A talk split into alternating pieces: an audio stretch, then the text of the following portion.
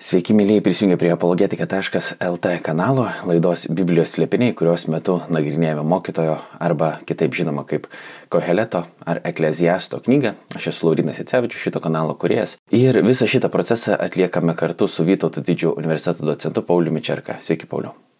Sveiki. Kaip matote, esame ypatingai pasiruošę, galvos išplautos, nors įrašinėjom šitą laidą 7 ryto, šiek tiek anksčiau negu įprastai tai darome ir džiaugiamės, kad galim e, jau eiti prie mokyto knygos pabaigos ne dėl to, kad e, mums jau taip pabodo, vilėmės, kad jums nepabodo, bet dėl to, kad e, laukia atomasga ir tam tikros išvados, kol kas labai daug stebėjimų, labai daug apmąstymų. Kalbėjome apie tai, kad mokytojas kalba kaip ir proto balsu, tai laukiam dar ir to tikėjimo balso pasirodant. Šiandien taip pat mūsų laukia kelios įdomios temos, viena kurių yra mirtis, kuri daugelį baugina, tačiau kaip mokytojas ją žiūri ir koks yra krikščioniškas požiūris į mirtį, šiandien viena iš tokių. Ir dar ne vieną kitą dalyką vilėmės, kad spėsim aptarti. Kaip visada skaitom po vieną skyrių, bandom bent jau perskaityti po vieną skyrių. Jeigu ką nors esate praleidę, galite užsukti apologetika.lt YouTube kanalą. Galbūt jau čia esate, o jeigu klausotės mūsų per Marijos radiją ar XFM radio stoties eteriuose, tada kviečiu užsukti apologetika.lt YouTube kanalą, ten rasti viską, ką galbūt esate praleidę ir mus ne tik išgirsit, bet ir pamatysit. Bandom skaityti kelias eilutes ir aptarsim. Mokytojo knyga, devintas skyrius nuo pirmos eilutės. Iš tikrųjų, svarstydamas visą tai širdimi supratau, kad net teisiųjų ir išmintingųjų darbai Dievo rankose. Ar tai meilė ar neapykanta, žmogus nepajėgia suprasti. Juk toks pat likimas ištinka visus - teisui ir nedorelį, gerai ir blogai, švarui apigoms ir nešvarui, atnašaujantį auką ir neatnašaujantį aukos. Tiek dorai, tiek nusidėjėlį, tiek žmogų, kuris prisiekia, tiek žmogų, kuris bijo prisiekti. Tarp blogybių vykstančių pasaulyje visų blogiausia tai, kad toks pat likimas ištinka visus Vadinasi, žmonių širdys kupinos nedurumo ir kol jie gyvi, kvailybė tykoja jų širdyje, o paskui jie nueina pas mirusiuosius. Iš tikrųjų, žmogus gyvųjų draugėje turi viltį. Verčiau būti gyvų šunimi, negu negyvų liūtų. Jų gyvėjai žino, kad turės mirti, o mirusiai nebežino nieko. Nebėra jiems daugiau atlygio, net jų atminimas užmirštas. Jų meilė, neapykanta, pavydas jau seniai pradingo. Niekada daugiau jie nebeturės dalies tame, kas vyksta pasaulyje. Mokytojas taip pakankamai slogiai piešia mirties vaizdinį, sako, geriau būti yra gyvų šunimi negu negyvų liūtų. Ir kiek tai panašu ir kiek kontrastuoja su jau krikščionišku požiūriu į mirtį, kiek mirtis yra mūsų priešas, kiek mirtis yra mūsų draugas. Taip, jinai yra ir priešas, ir draugas, bet po Kristaus prisikelimo ji tapo mums draugu, nes per ją mes augom ir su Kristaus mirtimi. Ir be jos nebūtų kūno prisikėlimo. Tai šiuo atveju Kristaus mirtis, jinai išvaduoja mus nuo iš mirties baimės. Ne iš pačios mirties, bet iš jos baimės, iš gyvenimo, kuris būtų valdomas mirtimi. Kai mes sakom valdomas mirtimi, turime omeny, kad žmogus taip įsikabina į žemišką gyvenimą, taip jį myli, taip bijo jo prarasti, kad daro bet ką, kad tik jo daugiau turėtų. Tai šiuo atveju tai ir yra mirties baime.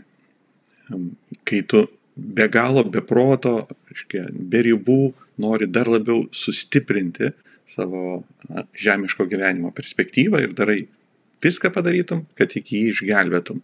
Tai reiškia, mirties baime mus valdo.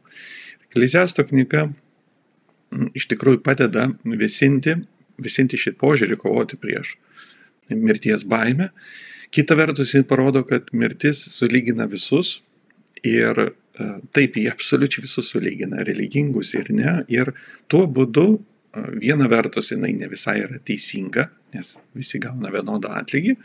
Kita vertus, jinai ir sulygina atrodytų nelygius ir turtingus ir vargšus, ir galingus ir silpnus. Ir tuo būdu pastatomus vienodoj, vienodoj Padėti, visi, visi turim su mirtim susidurt. Ir vėlgi, mąstymas apie mirtį, jis yra krikščioniškas, jis naudingas, e, nes susimastai, jog tavo gyvenimas ar vienai per kitai pasibaigs žemiškoje perspektyvoje. Tas tiesa, kad Ekleziasto knygoje nėra prisikelimo aiškios vilties, e, bet jis jai neprieštrauja, jisai masto žemiškoje perspektyvos, na, iš žemiškos perspektyvos. Va, ir čia reikėtų pasakyti, kad mirtis yra žmogiško, žemiško gyvenimo būties mislė.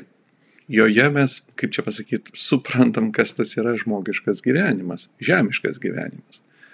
Būtų tokie trumpi pamastymai, kad aišku, krikščioniška perspektyva mums dar duoda apreiškimo informaciją, jog jei ne pirmoji nuodėmė, žmogus nebūtų pavaldus mirčiai, kaip jis yra dabar. Sakykime, tas e, nuopolis jisai jis davė lūžio tašką santykė su mirtyje, su mirtimi. Nors žmogus buvo mirtingas, bet jis nebuvo pavaldus mirčiai sukūrimo metu. Tai va, nuopolis jis pakeitė tą situaciją ir šiandien mes visi turim praeiti, bet dėl prisikėlimo įvykio mirtis tampa mums nebebaisi. Ir netgi kai kurie šventieji vadino savo ją sesę, ar ne toksai susigyvenimas su ją, kaip, kaip uh, tarpinė stotelė, kaip būtinų procesų, pro kurį turi praeiti ir beje, kuris mus, uh, na, apie jį mastant, mes padarom kartais labai gerus sprendimus. Tai šiuo atveju ekleziastas ir kviečia mus būtent mąstyti toje, na, toje prasmingoje srityje. Jis ne vieną kartą sakė, prasmingiau nueiti į mirties namus, ar nesusimastyti, kad gyvenimas trumpas, kiek metų bebūtų jis yra trumpas. Ir vat, kai tu mastai, kad laiko nedaug, tu padarysi greičiausiai gerus sprendimus. Tokios mintis. Į tą aš ir norėjau sureaguoti kažkiek, kad šiaip nuo perspektyvos į mirtį ir į amžiną gyvenimą ar į laikiną gyvenimą iš, iš principo priklauso labai daug mūsų gyvenimiškų sprendimų. Ir mokytojas siūlo savai, bet toli gražu ne visi lygiai taip pat e, atsako į tą klausimą. Mes pažiūrėsim, nuo septintos eilutės mokytojas pateikė savo pamastymą, dabar jeigu jau taip yra, kaip jisai sako, kaip tada dėrėtų gyventi, bet e, tas požiūris į mirtį, jis nėra nesusijęs su praktiniu mūsų gyvenimu, taip pat ir Dievo klausimas. Pavyzdžiui, ar Dievas yra kitiems žmonėms, sakys, neįdomus, koks man skirtumas Dievas yra ar ne, bet e, toks mąstymas tikriausiai gila tik iš nesupratimo, kiek implikacijų turi Dievo klausimas. Jeigu Dievo nėra, tai viską keičia, jeigu Dievas yra, taip pat viską keičia. Koks tas Dievas yra, irgi yra labai didelis skirtumas. Ir ne visos religijos ir tikėjimo sistemos žiūri lygiai taip pat. Tad šitas klausimas apsvarstyti yra be galo, be galo prasmingas. Tiesa, e, krikščionis Čia irgi apie viltį yra kalbama, krikščionis turi viltį, kaip jau minėjau, dėl Kristaus prisikėlimo, bet kažkada man yra tekę per vieną pamoką kalbėti apie spinius klausimus vienoje mokykloje. Ir e, keliam tokius klausimus kaip prasmės, kilmės, moralės, likimo. Likimo ir yra susijęs su mirtimi, ne, ne, ne to, kaip angliškai vadinama, fate, kas nu, nulėmė. Bet e, e pradėjau keltos klausimus, mes juos aptarnėjom ir tada viena mergina sako, o kodėl reikia apie juos svarstyti? Sakau, o kodėl nereikia? Jis sako, jeigu nėra atsakymų. Ir iš tikrųjų tada viskas keičiasi, jeigu atsakymai, atsakymų nėra, arba tie atsakymai yra blogi, sakykime, negatyvus tokie, tai, tai yra baisu. Bet, bet krikščionis žvelgia per vilties perspektyvą, bet aš jau dabar įsikalbėjau. Skaitant nusintas eilutės, pažiūrim, kaip mokytas reaguoja į šitą klausimą ir kaip jį sprendžia. Taigi eik švalgyk duoną su džiaugsmu ir gerk vyną linksma širdimi, nes Dievas jau seniai patvirtino, ką darai. Te būna tavo drabužiai visuomet šviežiai skalbti, ten nestokoja tavo galva kvapnaus aliejaus. Mėgaukis gyvenimu su žmona, kurią myli per visą savo trapaus gyvenimo dienas, kurias jis tau stato, kurias jis tau pasaulio suteikia. Per visas trapes savo dienas. Tai tavo dalis gyvenime ir tavo triuse, kuriuo triusi pasaulio. Visa, ką tik tavo ranka imasi daryti, daryk visomis jėgomis. Nes jokios veiklos, jokių sumanimų, jokio išmanimų, jokios išminties nebebus šiolė, į kurį esi pakeliui. Ar galima sakyti, kad mokytojas siūlo hedonistinę tokį išeitį? Mes kažkada apie tai esam kalbėję. Kaip jums atrodo? Ne, čia nėra tas hedonizmas, kurį mes vadinam na, šio laikinį to hedonizmu. Tai yra mėgaukis malonumais, nes pažiūrėkim, kokius malonumus jis įvardina. Jis įvardina labai paprastus malonumus - duona ir vyną. Tai yra kasdieniški dalykai. Ir jis ragina tais kasdieniškais dalykais mėgautis. Šiuo atveju tai nėra prabanga, tai nėra malonumo apstybė, atvirkščiai malonumo suradimas paprastuose, menkuose dalykuose, kasdienėse dalykuose. Tiek duona, tiek vynas na, tais laikais buvo prieinami kiekvienam. E, lygiai taip pat kaip ir šeima, šeimos santykiai, beveik kiekvienam jie yra prieinami. Ir taigi jis randa dalykus, kurie būdingi žmogiškam buvimui, prieinami praktiškai kiekvienam žmogui, sakydamas, kad to užtenka būti patenkinti ar būti laimingu. Bažnyčios tėvai, aišku, išvelgia duonę ir vynę jau Euharistijos duonos laužimo užuominą, kaip tokią simbolinę kalbą. Ir juk nebereikalo mūsų viešpas pasirinko tuos labai paprastus pavydalus, taip, kuriais jis tampa mums prieinamas. Dėl tos eilutės džiaugtis gyvenimu su savo žmona. Vieni biblistai, aišku, čia išvelgia šeimos santykių, santokinių santykių, e, džiaugsmą ir bendrą žmogiškumą, kad tai yra e, Dievo dovanotas džiaugsmas ir iš, iš principo prieinamas žmonėms. Kita vertus, e, Ekleziastas kalba išminties kalba jis naudoja, na, tarytum ir metaforinę prieiti. Ir išminties literatūrai labai dažnai pati išmintis yra pateikiama persifikuota, tarytum to herojaus ieškančio išminties žmona.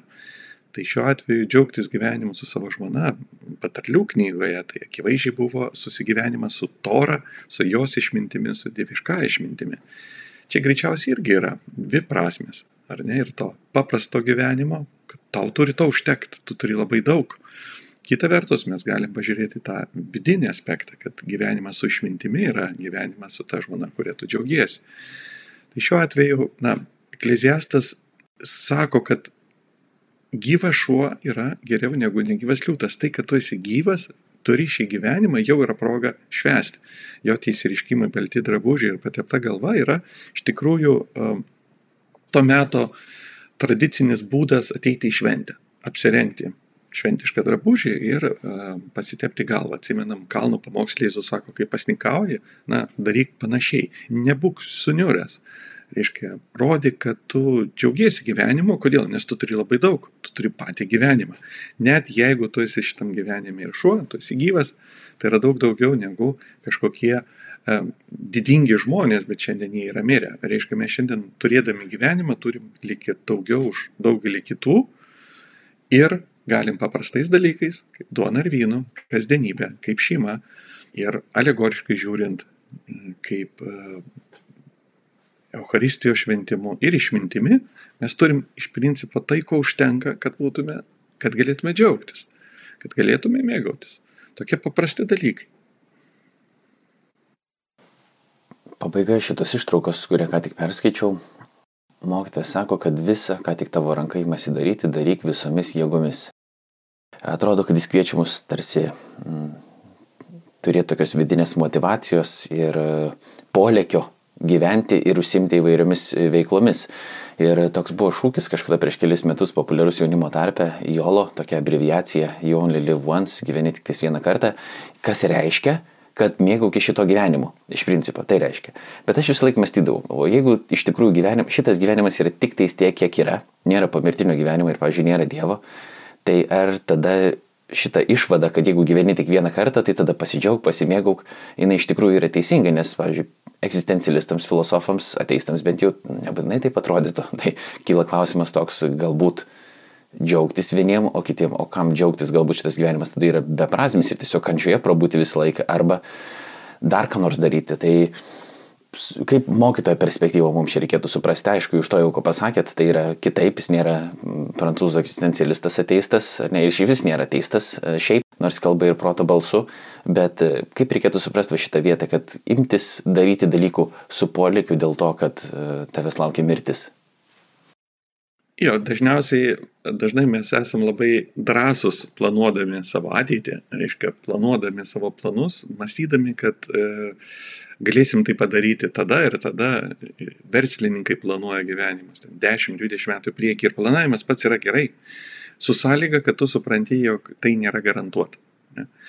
Ir įsivaizdavimas, kad daug ką galiu padaryti rytoj, poryt ir dar vėliau e, yra šiek tiek klaidingas. Jeigu aš būsiu mm, pasiruošęs netikėtumams, net ir iki mirties, aš keisiu savo planavimą, kai kurių dalykų net netidėsiu.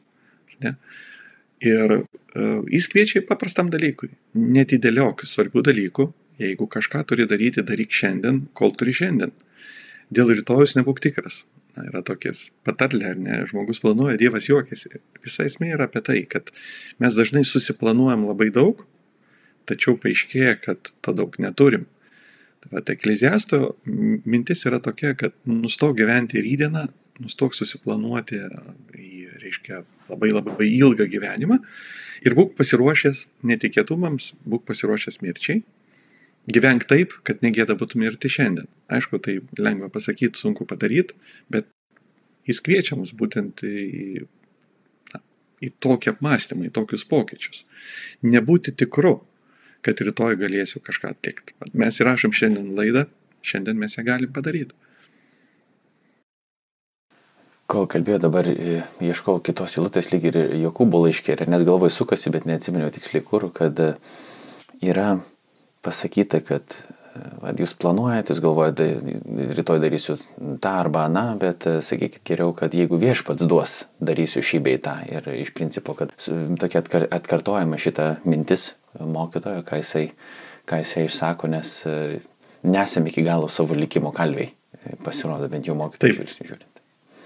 Jokūbo laiškas yra toks ryškiausias Naujojo testamento kūrinys, persmelktas išminties literatūros modeliu, išvalgomis ir Ir būtent šitą eilutę atkartoja tą pačią mintį. Nebūk toks tikras savimi ir savo planavimu, žinok, kad Dievas gali leisti arba neleisti. Reiškia, jisai sprendžia, ne, ne dvasinė jėga, ne principas, kurį tu gali suvaldyti. Bet naivu yra tikėtis, kad mes galim malda arba kažkokiam dvasiniam praktikom paveikti uh, na, Dievą arba kažkokį tai dvasinius dėsnius, kuriais mes galim jau valdyti gyvenimą. Bet Dievas yra asmuo, jis yra nepaveikiamas mūsų praktikomis, jis yra laisvas e, daryti savo sprendimus ir turėti savo planą. Todėl geriau yra jausti tą priklausomybę nuo jo plano ir nežinomybę, negu priešingai užtikrintumą, kad jei galbūt aš esu religingas, jei aš esu tikintis, jei aš išmanau e, kažkokius tai dvasinius dalykus, tai jų pagalba neva aš suvaldysiu savo gyvenimą. Jau prieš tai mes skaitėm, kad tiek aukojantis ir neaukojantis visi yra ištinkami mirties ir netikėtos mirties. Čia yra dar toks pasakymas.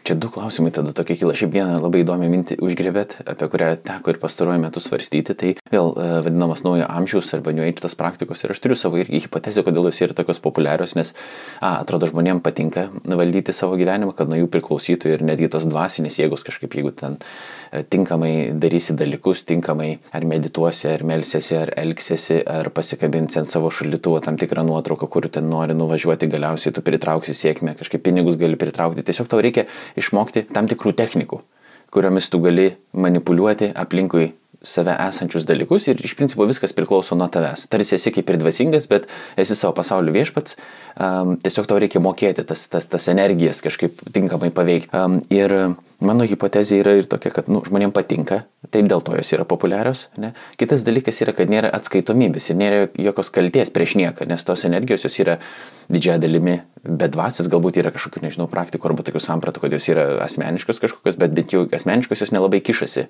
Tau neaiškina, ką reikia daryti, nėra jokių liepimų, nėra kalties, nėra nuodėmės, nėra nieko. Tai iš principo tu vieną, tu kaip sakyti, abi dvi saujos pilnos, ne, kad e, gali ir e, valdyti visus procesus ir yra ne tik, esi ne tik tais tu, yra dar kažkas tokio dvasiško, kurį gali manipuliuoti Ir kita vertus, tu neturi jokios atsakomybės. Jeigu tau nepasiseks kažkas arba netai pasielgsi, nėra, nėra kalties, nėra nuodėmės, tada nėra kažkokios galbūt baimės, kad kažką netaip padarysi. Iš principo, jeigu galbūt netaip padarysi, tai negausi tą, ką galėjai gauti, tiesiog truputį prarasi. Ne? Tai a, gali tai būti kažkaip a, ar ne, kaip jums atrodo? Tai vad klaida šito prieimo yra pagrindinė to, kad į anapusybę arba į Dievą yra žiūrima kaip į dėsnį, kaip į principą kaip besmenį e, kažkokią tai jėgą, kurią valdom ir jėgą mes galime išmokti manipuliuoti ją savo naudingu būdu. Jeigu yra Dievas asmuo, mes suprantame, kad su asmeniu e, santykis yra kitoks. Taip, jis turi savo valią, jis turi savo sprendimą, tu tada turi su juo kažkaip turėti santykį arba draugystę. Nu, tai yra visai, kitoks, visai kitokia prieitis. Ir naujo amžio, kuris irgi kartais būna susikrikščionina, apsirengia tokiam e, na, krikščioniškų žargonų, kartais žmonės nejučiom perima tai, kad vadindami tai tikėjimo tvarka, dėsniais, įstatymais, principais, kuriuos pažindami mes galim vėlgi turėti kažkokią tai žemišką sėkmę arba ją būt garantuoti. Tai tai yra pavojinga. Iš tikrųjų, Ekleziasto knyga mums gerai, na, išplauna smegenis, kad e, žemiška sėkmė yra labai labai trapi, niekas negali jos taip valdyti ir nesvarbu, ar, ar žmogus yra giliai tikintis ar ne, jinai lygiai taip pat yra a, tam tikra prasme jo nevaldoma. Ir bent jau ekleziastas nepamatė aiškios tvarkos, kaip ten e, su ta sėkmė yra. Taip kad visa knyga dvelkia tuo, kad ne tu valdai ir net ne tavo kažkokie pažinti dėsniai, Dievas valdo, bet to plano mes negalime aiškiai suvokti. Reiškia, mes liekame nežinioje ir trapume. Ir štai su kuo mes turim susitaikyti. Tai jis kaip tik tai yra priešnodis, sakykime, ši knyga, priešnodis tokiam perdėtam pasitikėjimui, ar žemiškom jėgom, ar priešingai kažkokiam dvasiniam jėgom, kurių pagalba tu užsigarantuoji žemišką gyvenimą. Panašu, kad čia yra sąsajų su klėstėjimo evangelija, kurios irgi vartoja tokius terminus kaip dvasiniai dėsniai ir ta, tau tinkamus dalykus darydamas, tu gausi tokį rezultatą, e, tik tai yra sukrikščioninta visą tai ir sakoma, tau Dievas duos ir yra Biblijos įlučių, kur yra tai parašyta, jeigu tu darysi taip ir taip, tai tada gausi tą ir tą. Ir jeigu kažko negauni, matyt, nusidėjai kažkurioje vietoje arba padarėjai ne taip. E, bet gali kilti tada klausimas žmonėm, tada kitas, kad jeigu viskas yra tokia nu, nežinia, toks trapumas ir, ir iš principo jokių čia tokių kaip ir pažadų nėra, kad ir kaip aš gyvensiu, ar teisėjai ar neteisėjai, rezultatas iš principo yra toks pat arba bent jau negarantuotas. Tai kaip tada, žvelgiant iš krikščioniškos perspektyvos, e, gali kilti kažkam klausimas, o kam tada man teisėjai gyventi, kam tada man stengtis tiek daug, jeigu vis tiek man iš to naudos labai mažai arba jokios. Arba gal kažkokia bus, bet aš nežinau. Ja, mat, yra, čia kaip sakyt, pirmas sezonas, yra daug neiškumo ir kol nepažiūrėjai antro sezono, daugelis dalykų yra neaiškus ir netvarkingi. Tik antram sezone e, viskas sustos į savo vietas. Ir tada tie neatsakyti klausimai, kodėl, kodėl, kodėl aš ar ne, jie yra geri klausimai, jie natūralūs, jie kyla iš mūsų esmės, bet atsakymą mes rasime antroji serijai tam sezone arba prisikėlimo šviesoj. Tai šiuo atveju Dievo teisingumas tikrai yra ir šventam rašte mes esame kviečiami pasitikėti Dievu, kuris iškantiems atsilygina. Taip, tikrai jo, jis dosniai atsilygina ir jo atsilyginimas bus, bet jo nereikėtų atsilyginimo suvesti į žemišką perspektyvą.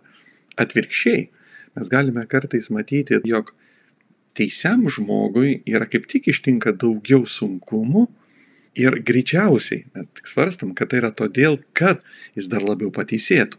Arba tam, kad jo tai antroji serija būtų geresnė. Ir aišku, pirmoji serija tai atrodo absurdiška. Kodėl? Kodėl kenčia toks kaip Jobas? Bet antroji serijoje mes, mes galėsim pasakyti ačiū Dievui, kad jis kentėjo, nes tai susiję su, su tam tikra šlove, kurį na, ištiks e, jau paskutinę teismo dieną. Tai Krikščioniška perspektyva yra būtent nu, viltis amžino gyvenimo, e, matyti paskutinės teismos dienos, dienos perspektyvoje šitą gyvenimą, bet ir žemiško gyvenimą, ką svarsto ekleziastas, yra labai svarbu suprasti jo laikinumą ir pasimėgauti, e, staptelti, ar ne, nustoti bėgti, nustoti norėti kažko rytoj, suvokti, kad jau šiandien aš jau turiu, aš esu gyvas, turiu paprastus dalykus ir galiu tuo mėgautis, ar ne? Tai net, net ir tuo būdu žiūrint mes galime gan kokybiškai išgyventi šitą gyvenimą. Paskaitom dar porą eilučių. Nuo 11. Be to pastebėjau pasaulyje, kad greitieji ne visuomet laimi lenktynės, narsuoliai ne visuomet nugali kovoje, išmintingiai ne visuomet užsidirba savo pragyvenimą, gudrieji ne visuomet tampa turtingi ir mokytėjai ne visuomet įgyja palankumo nes nesėkmės metas ištinka juos visus. Mat žmogus savo nesėkmės meto nežinoti negali. Tarsi žuvis pagauta lemtingų tinklų, tarsi paukščiai patekė į kilpas ir nesėkmės pagauti mirtingieji, kai ji staiga juos užklumpa. Šiek tiek jau pradėjom svarstyti apie tą tokį teisingumo, neteisingumo santykį ir žmogaus e, gyvenimo kokybę arba e, jo charakterį. Ir galvoju, tai pakankamai siejasi šitas klausimas, kurį dabar planuoju užduoti su to, ką jau kalbėjom prieš tai ir su šitom eilutėm. Mm, atrodo tada iš to, ką pasakėt, logiška, kad e, tiek yra kalbama šventame rašte apie išsilaikymą ir apie ištvermę, kad reikia ištverti, reikia išsilaikyti. Bet klausimas vėl kyla praktinis tada, o kaip? Ar mes turim kažkokį tokį patarimą, kaip reikėtų išsilaikyti, kas iš tikrųjų yra tas, kas mus padės išlaukti iki to antrojo sezono ir nepasiduoti ir nenusivilti dabar, kai ne viskas einasi taip, kaip mums atrodo. kad turėtų. Taip prieš tai turbūt buvo kvietimas džiaugtis gyvenimu. Su išmintimi. Tai ta išmintis ir yra mūsų sustiprinanti jėga. Galbūt taip galima svarstyti. Ir šiuo atveju e, pastebėkim, kad jis nesiūlo mums nusivilti, jis nesiūlo nustoti bėgti. Ne, jis tik sako, nelaikyti, kad tu būtinai laimėsi tas savo lenktynės. Ir e, ar tai būtų sporto varžybos, kas, kas yra beveik akivaizdu, kad dažniausiai tam tikri netikėtumai ir nesėkmės ištinka ir geriausius. Ir komentatoriai, ekspertai dažniausiai vertino, kad vienas ar kitas turėtų laimėti, jis turi daugiausiai šansų, bet įvykus tam tikriem pokytėms, sveikatos, net, pasilidimams, technikai, technika pavedė, staiga laimė kažkas kitas. Aišku, laimė irgi sportininkas, irgi tas, kuris veržėsi link tos pergalės. Taip, kad nebūna, kad laimėtų visiškai e, nedalyvaujantis žmogus. Bet bėgantis nėra tikras, ar jis laimės. Nėra tam tikras netikrumas. Versle lygiai taip pat. Tyrėjai pastebi, kad dažniausiai ta sėkmė ateina netikėtai, ateina tam tikrų momentų, atsiradus tam tikrai galimybei, kuri vėliau staiga jos nėra. Bet vienam žmogui buvo ta galimybė, buvo toks momentas ekonomikoje, geopolitikoje, socialiniuose klausimuose. Tiesiog jis sutiko teisingą žmogų, teisingoje situacijoje, buvo tam tikras poreikis ir šiek tiek iniciatyvos ir bum, atrodo milžiniška sėkmė. Kažkas kitas bando pakartotai, viską daro teisingai, bet vat, nėra to momento, nėra to laiko ir, ir atrodo nesigauna. Tai ekleziastas sako, neina nustatyti. Na, paukštis niekada nežino, kada bus jo nesėkmė. Diena kaip ir visos kitos, jis, jis, jinai nieko nepranašauja kažko blogo ir staiga bum, ar ne, yra jisai kliūna į pastus, viskas yra milžiniška nesėkmė tu negali jos nujausti, negali jos nuprognozuoti, negali e, mąstyti, kad pat šiandien jos turbūt nebus, nes turbūt jaušiu, ar ne? Bet tai yra, jis bando pasakyti, kad mes visada turim um, tarytum būti pasiruošę tai nesėkmiai, na, plačiaja prasme, mirčiai, gyventi taip, kad kada jinai mus be ištiktų, mes būtume jai pasiruošę. Toks yra jo kvietimas. Ir tai ir yra išmintis. Raginti susimastyti šiandien, jeigu aš mirčiau, ar aš esu tam pasiruošęs toks sunkus klausimas, ne, bet jis yra tikras, jis yra rimtas. O išminties literatūroje, o ko mes tikėjomės? Lengvesnių klausimų. Dar apsvarstam vieną, galbūt trumpai e, tokį klausimą, ne ką lengvesnį, bet bent jau kelis dalykus galbūt um, sugebėsim aptarti. Žmonės išgirdę šitą žodį um, užtikrintumas dažniausiai uh, svarsto apie išgelbėjimų užtikrintumą. Tai reiškia, ar aš po mirties būsiu su Dievu kažkokiu būdu, arba ar man yra užtikrintas amžinas gyvenimas. Ir tada gali atsiminti tokias eilutes, kaip kad tas, kuris pradėjo jumise gerą darbą, tas jį ir užbaigs, nėra pasmerkimo tiems, kurie yra Jėzuje Kristuje, kad esame išgelbėti darbais, tai malonė, o ne darbais, kad kas nors nesigirtų ir taip toliau. Kitaip tariant, kad tas amžinasis gyvenimas ir jo dovana priklauso nuo Kristaus, jisai daro mumise tą darbą ir kaip mes tada galim būti neužtikrinti, kai kurie klausia, jeigu Kristus mumise veikia ir išgelbėjimas yra um, jo darbas. Jo, tas neužtikrintumas tai nėra abejojimas Kristumi. Kristumi, na, Dievu nereikia abejoti. Bet uh, mes turim abejoti savimi, savo dalyvavimu Dieve, savo pačių tikėjimu reiktų abejoti. Nebūti tikėjimu įtikėjimas, ar ne toks tikiu savo tikėjimu, pasitikiu savo tikėjimu. To nereiktų. Mes kaip tik turėtume dvėjoti, ar mes uh, tam, nu, sveikai dvėjoti. Vėlgi, jeigu mes iki kraštutinumo tą dviejonę sukeltume irgi gautume tam tikrą nesveiką būseną, bet sveikai suabejoti savimi, leisti kitiems mus taisyti, reiškia, leisti, prileisti mintį, kad aš ir klystu, gal ir tikėjimo kelyje, ir tuo būdu turėti sveiką nepasitikėjimą savimi, ne Dievu ir ne Dievo pažadais, ne Dievo, ne dievo valia mane išganyti, bet savimi savo dalyvavimui toje valioje, prileidžiant, kad aš klystu ir kažko nematau, leidžiuosi taisomas. Ir būtent, jeigu aš turiu sveiką dviejonę, tai kaip tik tada esu ir saugiausias. Ir Petras juk kviečia dar, dar labiau dirbti su savo darybėmis tam, kad įėjimas į dangaus karalystę labiau atsivertų. Tai būtent e, toks turėtų būti mūsų interesas - nenusiraminti, kad jis mums atsivėręs, bet priešingai veikti taip, kad jis labiau atsivertų. Iškai mes neturėtume na, mąstyti, ar aš čia būsiu išgelbėtas ar ne, nes tai yra įvykis, kurį galima atsakyti tik visą mūsų gyvenimą matant. Tu negali to atsakyti šiandien, nes dar gyvenimas nesibaigia. Štai kur yra esmė. Jisai tęsiasi, taip kad geriau turėti sveiką abejonę, kuri ir atvestų į e, tikrą išganimą. Nes jeigu esi visiškai užtikrintas, o tas visiškas užtikrintumas toksai kaip tikėjimo tiesa, tai tave skatina į pasivumą, tu, tu nebejudi pirmin, tu, tu nebesikeiti, nes tu tarytum jau žinai visus atsakymus. Tai e, patiksiu tokį gal pavyzdį, kad geriausi studentai dažniausiai būna tie, kurie labiausiai bejoja, ar jie gerai prašys egzaminą. O prašiausiai parašo tie, kurie būna beveik užtikrinti, kad jie gerai pasirodys. Tai bet šitas paradoksas jis veikia ir amžinybės atveju, kad geriausiai pasirodo tie, kurie mato savyje daugiausia trūkumų ir turi tam tikros sveikos abejonės. Paskaitom dar kelias eilutes ir jau jos bus paskutinės šiandien. Nuo 13. Be to mačiau pasaulio ir tokį išminties atvejį. Man jis pasirodė labai reikšmingas. Buvo vienas mažas miestas. Nedaug jame buvo gyventojų. Jo pultė džigiavo galingas karalius. Pastatęs aukštus apgulos bokštus, jis apsupo jį. Tame mieste gyvenęs beturtis išminčių savo išmintimi išgelbėjo miestą. Bet vėliau šio beturčio žmogaus niekas netminė. Tad tariau, išmintis veiksmingesnė už nuogą jėgą, tačiau beturčio žmogaus išmintis nevertinama ir jo žodžių nepaisoma. Išmintingų ir ramiai tartų žodžių paisoma mieliau negu kvailių vadovų riksmo. Išmintis vertesnė už karo ginklus, bet vienui vienas nedorelis daug gerą sugadina.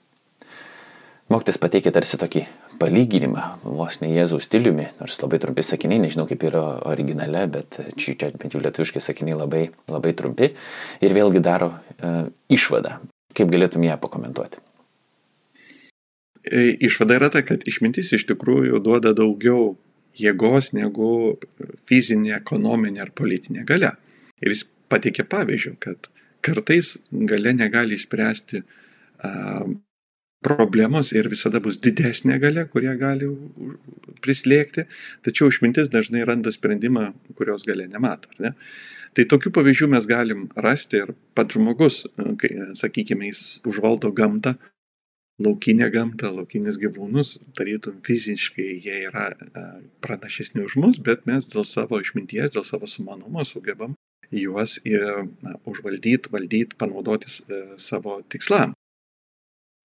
E, su daugeliu dalykų. Bet Ekleziastas mato kitą bėdą. Ne? Nors jis mato, kad išmintis tikrai gali duoti pranašumą, problema yra, kad žmonės vis tiek to nevertina, jie net pažįsta. Bėdai ištikus, jie tarytum gali kreiptis į išmintį ir padaryti reikiamus sprendimus, bet vėl bėdai įsisprendus, e, visi pabėga prie savo reikalų ir toliau svarsto, kad svarbiausia yra gale. Tai jis tarytum kviečia susimastyti mus. Jis sako, išminčiai netrūksta galios, bet trūksta atpažinimo, kad jinai turi galę. galę jo, jo nerimas yra tame, kad išmintis tikrai stipri, bet ar mes tai atpažįstam? Ar nėra taip, kad mes vertinam mm, išminti pagal tai, kiek žmogus turi žemišką perspektyvą. Pastebėkit, kad išmintingas buvo neturtingas žmogus. Ne, taigi išmintis nepadarė jo turtingų ir sėkmingų žemiškoj perspektyvų. Ir vis tik būtent šis žmogus turėjo sprendimą, kaip išgelbėti miestą arba nuo to meto valstybę, mūsų kalba tariant. Reiškia, tai buvo egzistencinis išlikimo klausimas. Ir kaip tik toks žmogus turėjo išvalgą, o ne turtingieji ir stiprieji. Taigi išmintis nepadarė žmogaus sėkmingo ir turtingo, šitoj perspektyvai. Ir tai galbūt ir buvo kliūtis, kodėl žmonės vėliau jo ne, neklausė, nevertino jo. Dažniausiai mes sutinkam žmogų pagal išorę, ar ne, vad ką tu turi, ką tu pasiekiai, kaip, kaip tu gali būti išmintingas, jeigu, jeigu galbūt tu nesi pasiekęs žemiškai perspektyvai aukštų dalykų. Taip yra. Ne, ir ekleziastas sako, svarsto tai, pripažįsta, kad tai yra ir nusivilia to, sakydamas, kad tai nėra gerai, ne, tai trukdo mum atpažinti tikrai išmintį. Ačiū Pauliau, ačiū visiems, kurie e, buvote su mumis kartu, esate ir viliuosi dar būsite. Daug informacijos galite atrasti apologetika.lt. Jeigu dar to nepadarėte, užsiprenumeruokite šitą YouTube kanalą, paspauskite varpelį, kad gautumėte informaciją apie visus ateities įrašus. Taip pat daugiau informacijos galit rasti ir perskaitę aprašą po šituo vaizdo įrašu. O mums liko viso labo trys skyriai. Jau artėjom prie pabaigos ir žiūrėsim, ką turiu pasakyti ne tik mokytas, bet ir knygos autorius. Dar kartą dėkoju, iki kitų susitikimų ir sudėv. Sudėv.